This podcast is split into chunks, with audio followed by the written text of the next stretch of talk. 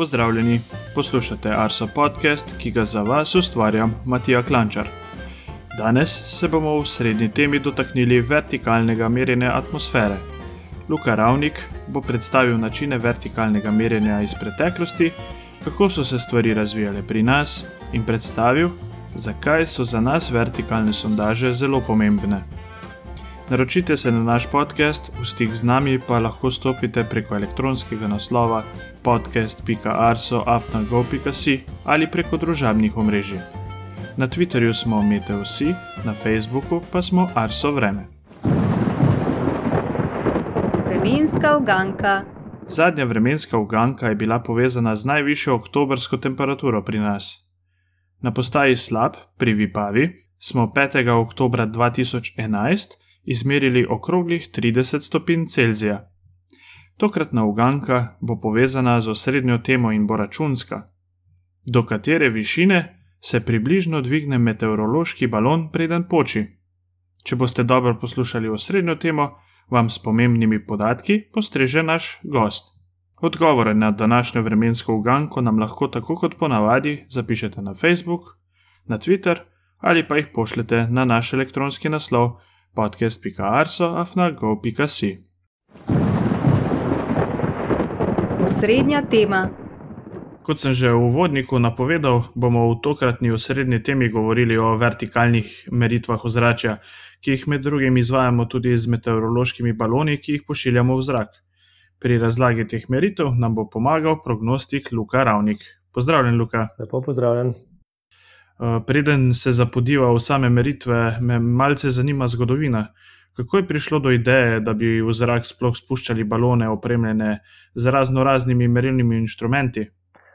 Ja, torej, ko sem raziskoval in iskal literaturo na to temo, sem nekako prišel do, do konec 18. stoletja in potem 19. stoletje, verjamem pa, da so tudi že prej, da se je že tudi prej kdo skušal oziroma domislil česa podobnega. Nisem prišel nekje do starih Grkov ali antike, ampak nekako, če govorim o tem obdobju, ki je poznano, recimo, predvsem celo 19. stoletje, od začetka naprej.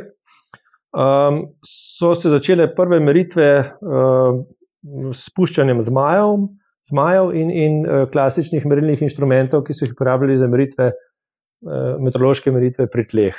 Torej, že takrat jasno je bilo, da je pomembno ne samo meritev pri tleh na dnu te zračne reke, ampak tudi v sami atmosferi više gor. Uh, je ljudi zanimalo, kaj pa je tam gor, kakšne so pa tam razmere. Ne? In to so začeli tako, da so dejansko spuščali na določene višine zmaje na vrvi eh, s privezanim inštrumentom.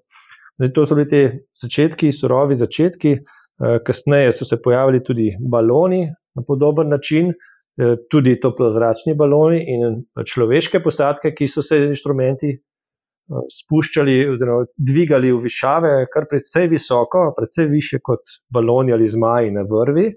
In kar sem zasledil, je prišlo tudi do kakšnih bolj rekel, žalostnih časih zaključkov. Um, potem proti koncu, nekje 19. stoletja, so bili pa že kar operativno nekako vzpostavljene meritve zmaji ali baloni, na njih pa privezali ne samo klasični inštrumenti, ki so jih pravili pri tleh, ampak že, že nekako integrirani neke, neke škatle merilne. Stipali, neke vrste mehanski, avtomatski merilniki, ki so imeli te pala in potem prenosne mehanizme, da so ti pala za temperaturo, tlak ali vlago, in prenosni mehanizem, ki je potem na, ki je bil privezan ali pripet na, na neko pisalo. Eh, vse skupaj se je potem izrisovalo na nek eh, boben, ki je imel neko navitje, in ta boben se je vrtel, na njem je bil trak, eh, papir, in se je potem izrisovalo. Pravi, premik tega pisala je bil povezan z, z s tem, kaj je ti palo izmerilo. No, temu lahko rečemo neki meteorografi oziroma razni termografi, higrografi, odvisno od tega, katero parameter smo mer, so merili. In take inštrumenti so bili do nedavnega še tudi precej pogosti tudi v naši prizemni meteorološki mreži. No, takšne take škate, take prve zametke nekih kompaktnih inštrumentov, ki so lahko merili več stvari, so potem že praktično operativno na nekaterih koncih sveta, mislim, da predvsem Evropa in Amerika, spuščali potem v zrak in merili uh, s tem profil ne, v zrača, uh, v smislu temperature, vlage. Um, kar je bil minus tega, je, da, da neke zelo visoke, visoke višine niso dosegali, oziroma vsaj uh, do neke mere, ampak šlo pa tudi problem, prišlo je do problema slab, uporabe v slabem vremenu, in pa tega, da meritve niso bile na voljo takoj. Meritve so bile na voljo kasneje, ko je, to, ko je balon počel in prišel nazaj. Eh, in to je lahko trajalo lahko tudi ne samo nekaj ur, lahko tudi par dni, da so do teh inštrumentov in do meritev potem prišli.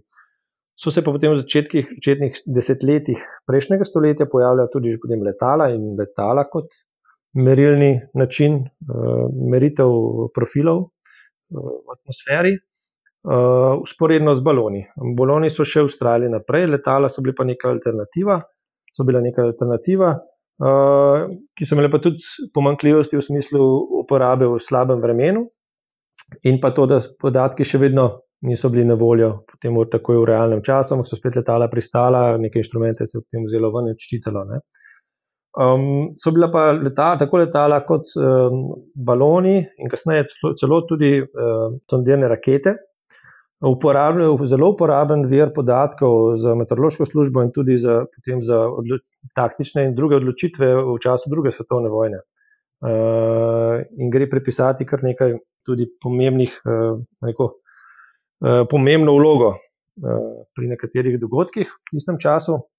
Takrat so se poleg tega pojavili tudi Eh, teodoli, meritve s teodoliti, torej začeli so slediti sondam z optičnimi merilniki, natančnimi eh, teleskopskimi merilniki eh, za določanje pozicije in spremljanje lokacije nekega objekta, konkretno tukaj balona oziroma te spodaj tega spuščenega merilnega dela. In s temi teodoliti so potem tudi spremljali in nekako zarisovali trato oziroma traso in um, določali trajektorijo in potem s tem kasneje tudi veter. Časoma so te teodoliti postali, so se prešli v radijsko področje iz optičnega. To se je nekako dogajalo proti sredini prejšnjega stoletja, eh, tako da so meritve spremljali potek, trajektorijo eh, tega balona in inštrumentacije z radijskimi eh, teodoliti. Istočasno pa so tudi sami ti inštrumentari v tem tej škatli, ki je, bila, ki je letela z balonom, ki je imela razna tipala za temperaturo, vlago in recimo, tlak. Dodali notri tudi elektroniko, uh, neke zametke, oziroma kar pravo radijsko elektroniko. Uh, tako da je prišlo do možnosti sprejema podatkov v realnem času. To so bile neki, rečemo, kar pra, pra sonde, pra radio sonde, to so bile radio, radio, neki radiografi, radiometeorografi, ali radio, recimo termografi, ki so potem lahko uh, meritve po radijski zvezi sporočali na Zemljo, oziroma so te podatke sprejemali na nekem centru sprejemnem na tleh. In to je bil velik napredek in korak naprej k temu, da so bile meritve že bolj uporabne. Um, kasneje, v drugi polovici prejšnjega stoletja, je potem razvoj računalniške tehnologije prinesel tudi avtomat, postopno avtomatizacijo, tudi miniaturizacija, miniaturizacija elektronike in avtomatizacija na račun računalniškega razvoja. Je prinesel to, da se je sama, sam um, način, pa koliko ljudi si rabo za to, uh, precej zmanjšalo. Uh, na koncu je to pristalo že nekje v 80-ih letih v nekem, praktično lahko rečemo, osebnem računalniku, nekem programskem paketu, nekem, nekem, um, nekem oziroma računalniki osebni, bomo rekel, bolj kasneje. Uh, ampak vseeno že neki teleprinterji in, in neki večje, večje, večje računalniški sklopi, uh, ki so bili pač takrat bolj analogno, še bazirani na analogni tehniki.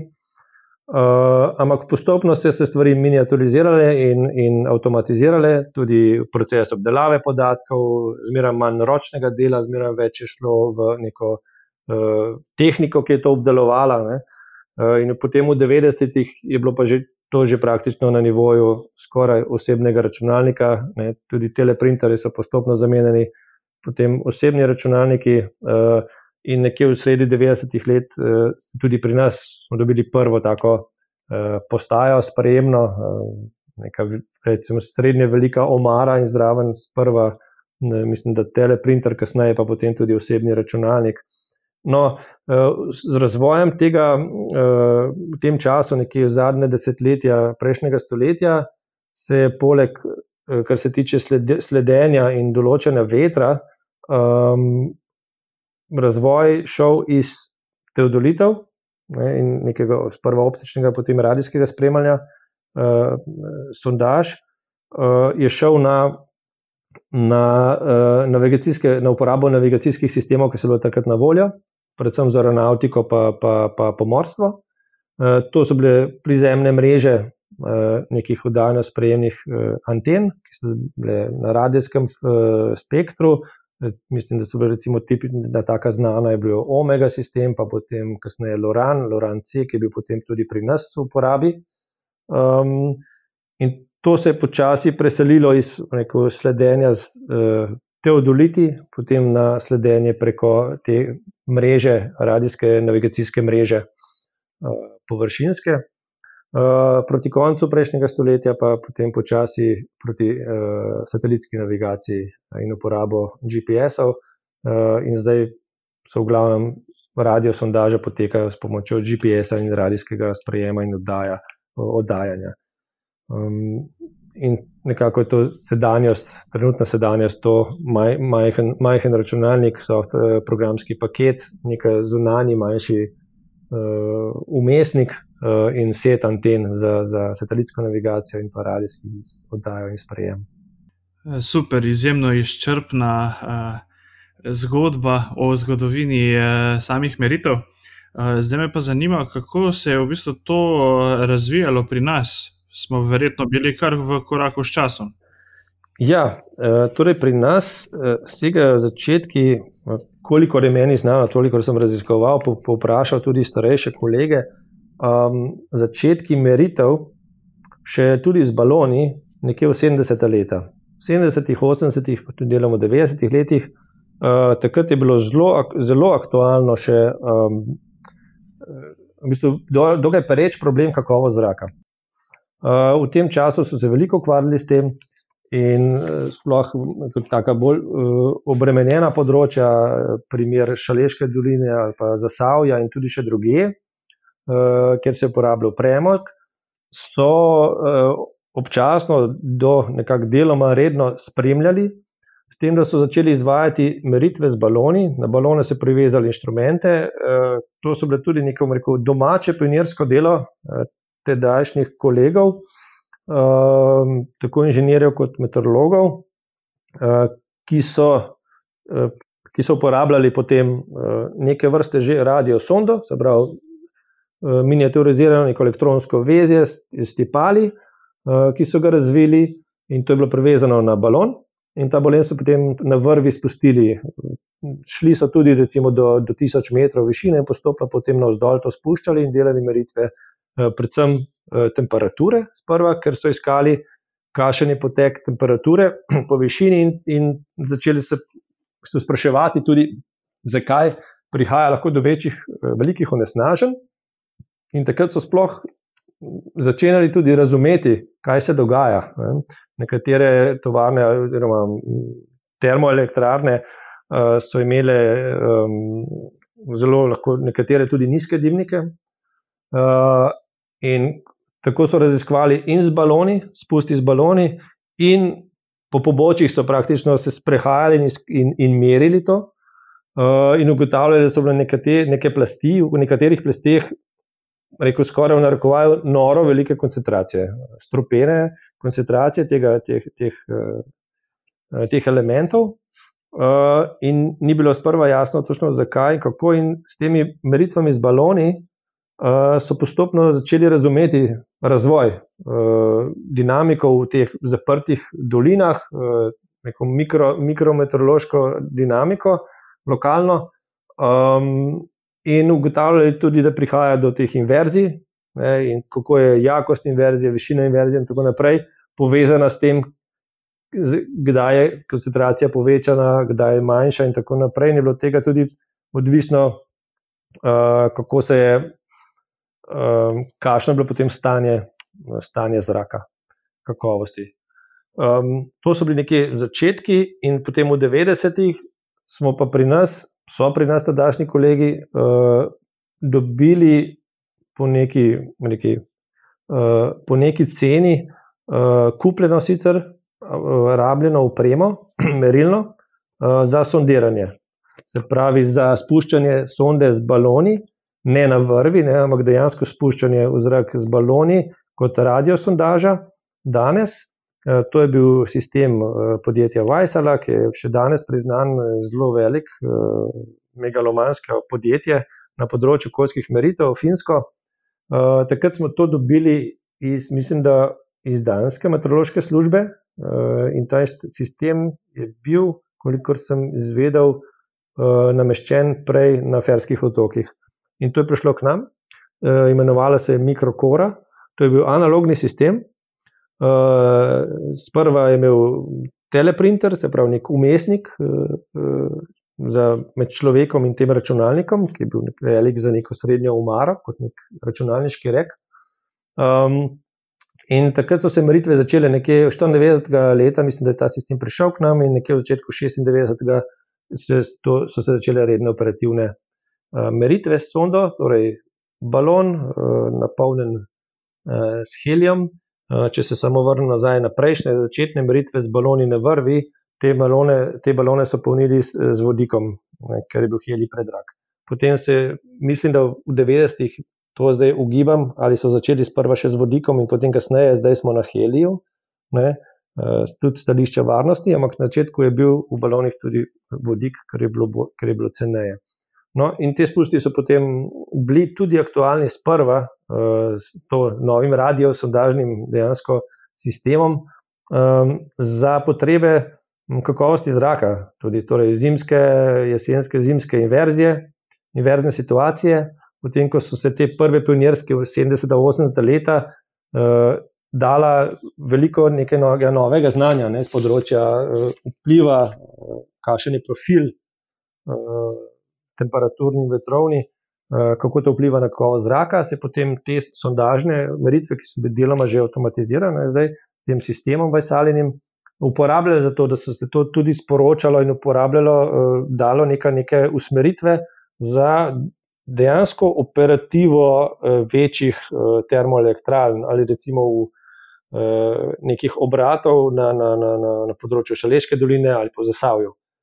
In je bilo tudi obratovanje teh, teh um, elektrarn uh, na premog vezano na, na uh, meteorološke meritve sondaže. Uh, se pravi, to je bila navezava. Uh, kasneje so se ta sistem v Stalin postal, uh, bil nadgrajen z digitalnim umestnikom. Uh, tega sem potem imel priložnost tudi sam še uporabiti v začetnih letih, ko sem prišel. Um, ta umestnik je bil do tega mere digitalen, da so lahko prek nekih gumbov in, in nekega prikazovalnika izbiral in nastavljal sistem, plus priklopljen je bil na, na računalnik zunanje. Um, istočasno, kar je bilo zanimivo, še, da si recimo takratne sonde uh, so imele za upis kalibracijskih koeficientov, ki jih mora sistem upisati, da sistem ve, kakšne instrumente sonda ima, kakšna je njihova natančnost, kakšni so njihovi koeficienti pri pretvorbi, pri pretvorbi ne, um, meritev. Um, zdaj to upišeš recimo v nek v program, nek programsko okolje, v nekih Windowsih. Recimo, ne, takrat si to je bila vsaka sonda svoj trak, ki je bil perforiran in imel petbitno kodo z luknjicami oziroma ne luknjice, kot bit, eh, ena ali nič.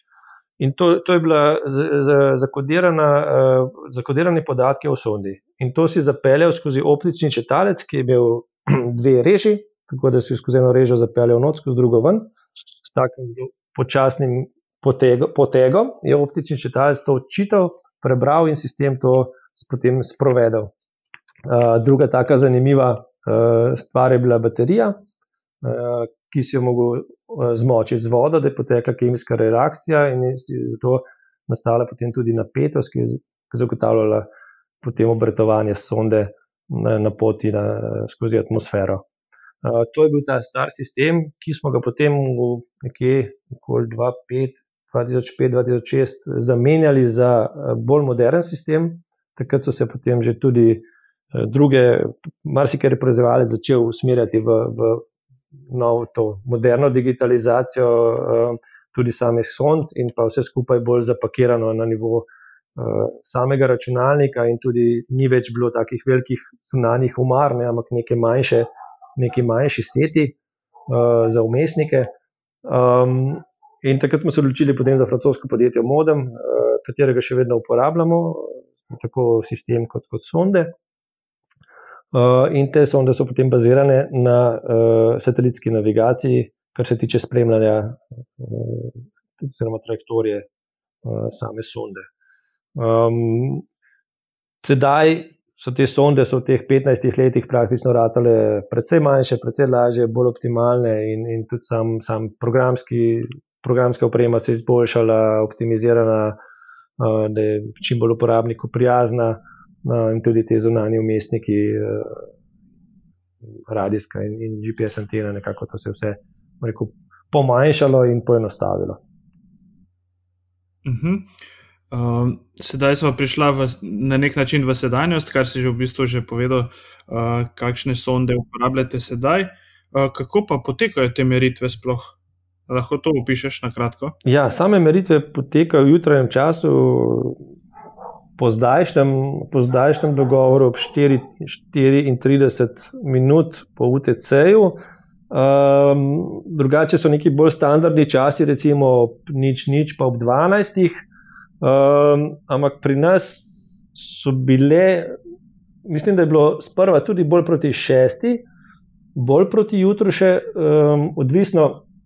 V začetnih 90-ih letih se je iskalo termin, ki je bil bolj vezan na to, kdaj bo tiste inverzije nastale, ki so bile potem pomembne za tudi odločitve ne, za, za posamezne regije, kjer so bile bolj opremenjene z, z izpusti. Um, in proti jutru inverzije ponovadi bolj, dansko pol, lahko ratejo še močnejše, in se je nekako čakalo, da se bo to čim bolj, boljše pomerilo. Um, sedaj so pa tudi, rekel, sondaže aktualne še, še, za, še za druge stvari. Uh, tako da ob 34 UTC-ju se, se izvede spust, Eh, tehnik uh, pripravi sondo na ta način, da se vse skupaj se gre po korakih nekega programskega paketa v Windows, uh, Windows okolju na osebnem računalniku, um, ki to uh, sistem najprej rekel, upišeš trenutne prizemne meritve, uh, potem se samo sondo da v neko manjši, manjšo škatlo. Ki ima noter referenčne inštrumente in se na nek način sondo preveri, na rekovaj jih kalibrira, Um, mora biti na odstopanja, potem programska oprema tudi upošteva kasneje, ko sonda pošilja svoje meritve. In pod, uh, sistem poskrbi za to, da, uh, da je, sonda tudi signal, navigacijski signal, uh, in potem je praktično sonda pripravljena na, na spust. Tehnik gre potem se odpravi s sondo na, na merilni prostor na agenciji, kjer imamo laserno rampo, tam napolni balon s helijem, sondo priveže z vrvico, tako da malo nižje visi pod balonom in to počasi umirjeno spusti v zrak, uh, in balon se potem uh, dviga in širi, dokler ne poči. Um, vse skupaj, recimo, hitrost dviganja je tam okoli 4 do 5 metrov na sekundo, uh, sondaž, sonda pa traja, sondaža pa traja nekje kakšno urco, recimo, približno uh, časa. Um, seveda se to ni vertikalni dvig, ponavadi, ampak je vezan na to, kakšno je striženje vetra, oziroma kam se vetrovi obračajo z, z višino in koliko so močni. Kam potem to sondo tudi zanese, ob močnih jugozahodnih vetrovih, lahko daleč proti uh, severu in, in, in vzhodu, um, ob močnih severnih vetrovih pa tudi nad Kvarner. Recimo, Tako da uh, to je potek, uh, sproti pa se vsako sekundo po radijskem signalu uh, sistem sonda pošilja podatke, ki jih potem preko radijske antene na strehi, ta sprejemnik in računalnik potem zavedeta in se vse skupaj zapiše v datoteko. Pole na to sledi neko rekel, procesiranje, nek, neki filtriranje oziroma preverjanje kakovosti podatkov, to se avtomatsko izvede, zgledi, mora biti ne špice, ki štrlijo v podatkih, in, in potem pridemo do nekega, nekega poteka, tako temperature, vetra in pa temperature rosišča. Meritve vertikalnega profila so se dobro izkazale pred leti, ko smo imeli situacijo z žledom in žledolomom. Eh, zakaj pa so še pomembne meritve? Ja, več, več je aplikacij, prej so omenila kakovost zraka in, in določene inverzije, torej tam, kjer temperatura uh, narašča z višino, uh, in zaradi tega uh, nekako zapira uh, nek, nek volumen zraka pri tleh, omejuje, in če se če prihaja nekih izpustov, uh, lahko potem te koncentracije, so te koncentracije visoke, torej določene inverzije uh, in kakovost zraka. Uh, drugo je potem tudi letalstvo, torej potek vetra z višino, striženje vetra, kar je pomembno pri letalstvu um, oziroma aeronautiki. Um, potem tudi uh, sploh poletni meseci, pa pomladanski, um, kar se tiče razvoja neviht.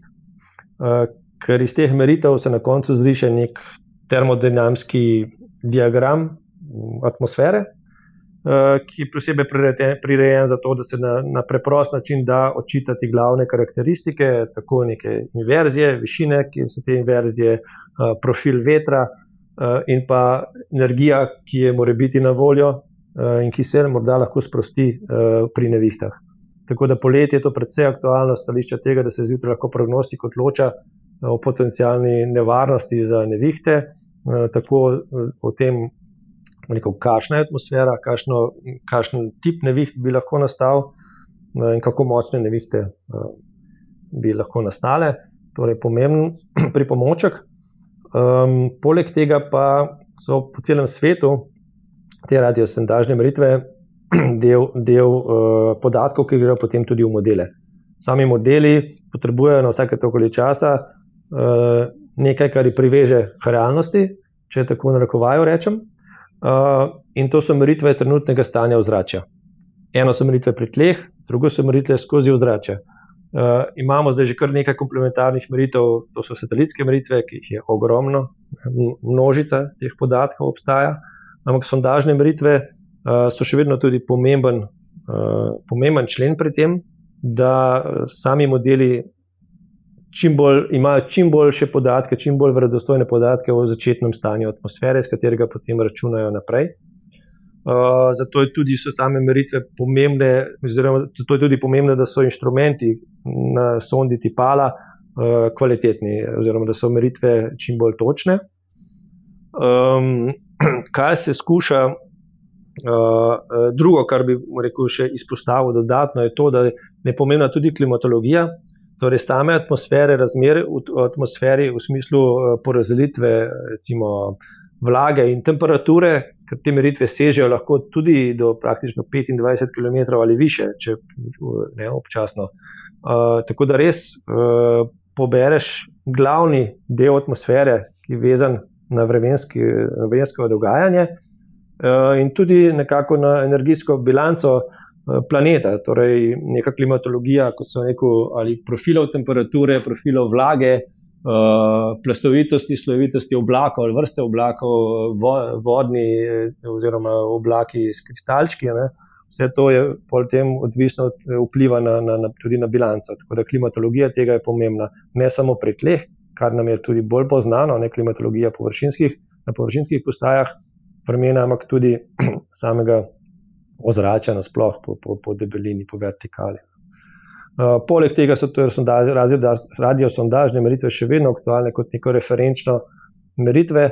Uh, pri drugih uh, merilnih metodah, tehnikah, uh, res je, da sondaže niso pogoste, torej imamo vmes kar nekaj ok, časovnega prostora, kjer meritev ni.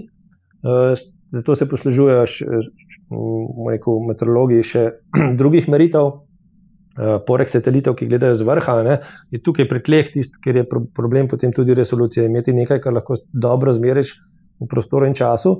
Tako se uporabljajo podatki iz letal, na katera letala imajo meritve, meteorološke meritve, meteorološke parametre merijo in to se iz letal potem tudi pridobiva. Um, poleg tega pa se uporablja, oziroma zmeraj bolj aktualno, tudi inštrumenti, kot so radarski merilniki vetra, uh, potem optični merilniki vetra, optični merilniki aerosolov, uh, mikrovalovni merilniki temperature, uh, akustični zvočni merilniki vetra, tako imenovani sodari. Vse to je zmeraj zelo aktualno in zmeraj bolj. Um, zato, ker se skuša s tem nekako zapolniti ta, to okno manjkajočih podatkov v teh prvih, recimo, nekaj sto metrih do nekaj, nekaj kilometrih uh, te prizemne mejne plasti, uh, ki, ki, ki so te podatki, so potem pomembni tudi za modele. Da zaključimo z današnjim pogovorom, mogoče za konec, če kakšna anekdota, ki je povezana z meritvami vertikalnih profilov. Ja, ja uh, verjetno jih je kar nekaj. Um, zdaj, dve mi tako na pamet padeta. Eno je bilo. Um, Eno je bilo ob močnem sneženju, moker sneg, težak sneg, ko se je balon, balon čez nekaj časa praktično vrnil nazaj, ker mu ni uspelo se dvigniti, z snežno kapo se je spustil dol. Uh, drugo je pa bilo, taka stvar je bila pa zanimiva, da seveda, če mirno vzračje in spustiš balon sredi mesta, potem ni taka težava, če se napično dviga, uh, ni nekako ponovadi uvir nad tabo direktno, ampak ob nekaj vetra ali pa malo, samo malo više, da je, da je veter, je pa že težava, uh, ker lahko samo sondo zanese v kakšno stavbo ali kaj višjega. In v primeru, ko je bilo tukaj na agenciji odpreti eh, eh, tudi gradbišče, eh, je enkrat sonda se tudi zapela recimo, na, na, na, na, na žrjav.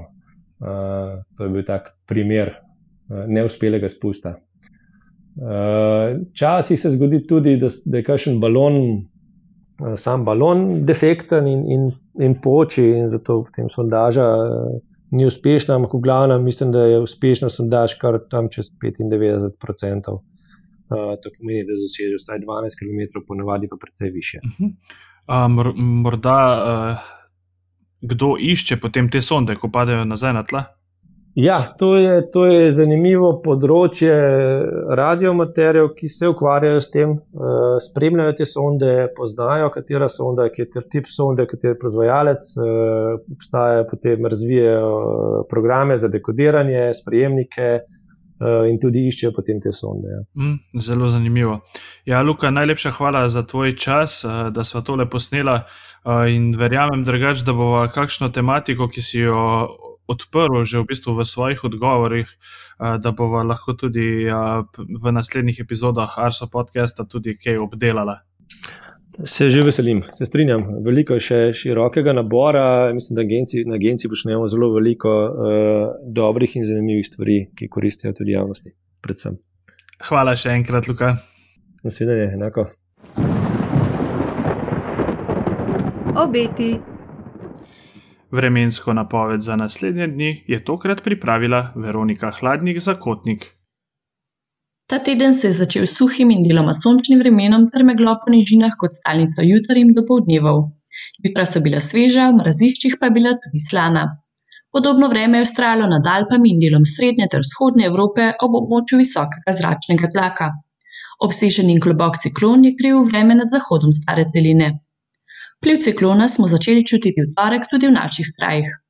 Zapihal je jugozahodni veter, ki bo vztrajal pri nas vse do petka. Oblačnost se bo ob njegovi prisotnosti povečala predvsem v zahodnji in delu srednje Slovenije, medtem ko bo na vzhodu ostalo precej sončno vreme. Po oblačitev bi v jugozahodnem vetru bo v četrtek in petek prinesla tudi nekaj padavin, a količine bodo majhne. Predvsem hriboviten svet zahodne Slovenije bo lahko rahlo rusilo ali rahlo deževalo. Ob jugozahodniku in sončnem vremenu se bo v sredo, četrtek in petek v vzhodni Sloveniji čez dan pogrelo celo do 20 stopinj Celzija. Tudi drugod bo topleje od povprečja za ta čas, se bodo jutranje temperature ob prevetrenem ozračju okoli 10 stopinj Celzija. Za vikend Slovenijo čaka vremenska sprememba. V soboto nas bo dosegla in prešla hladna vremenska fronta. Oblačilo se bo tudi na vzhodu države, dež se bo nekoliko okrepil in zajel vso Slovenijo. Padavine bodo ponehale predvidoma v nedeljo do povdne. Kot kaže, se bo v prihodnjem tednu nad našimi kraji krepilo območje visokega zračnega tlaka. Nadaljevalo se bo jesensko vreme z dopoldansko meglo po nižinah. Kot kaže, bo po večini suho vreme. Jutranje temperature bodo večinoma med 5 in 10, dnevne pa okoli 15 stopinj Celzija.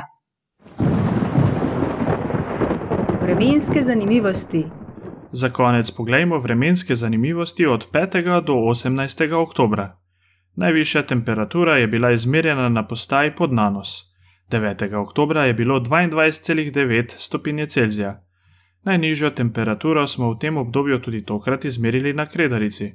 12. oktobra se je živo srebro spustilo do minus 8,9 stopinje Celzija. Najhitrejši sunek vetra je bil izmerjen v nedeljo, 11. oktober, na postaji pod Nanos. Najhitrejši sunek je dosegel hitrost 107 km/h. Največ padavin v enem dnevu je v obdobju od 5. do 18. oktober padlo na postaji Otlica. Izmerili smo 123,9 mm padavin. Najbolj sončna postaja v obdobju preteklih 14 dni je bila postaja Bilje. Skupaj je sonce sijalo 75 ur in 39 minut. Najbolj sončen dan pa je bil 8. oktober, ko je na slavniku sonce sijalo 10 ur in 41 minut. Hvala za vse odzive, poslušanje in pozornost. Obilo lepega vremena in se slišimo čez 14 dni.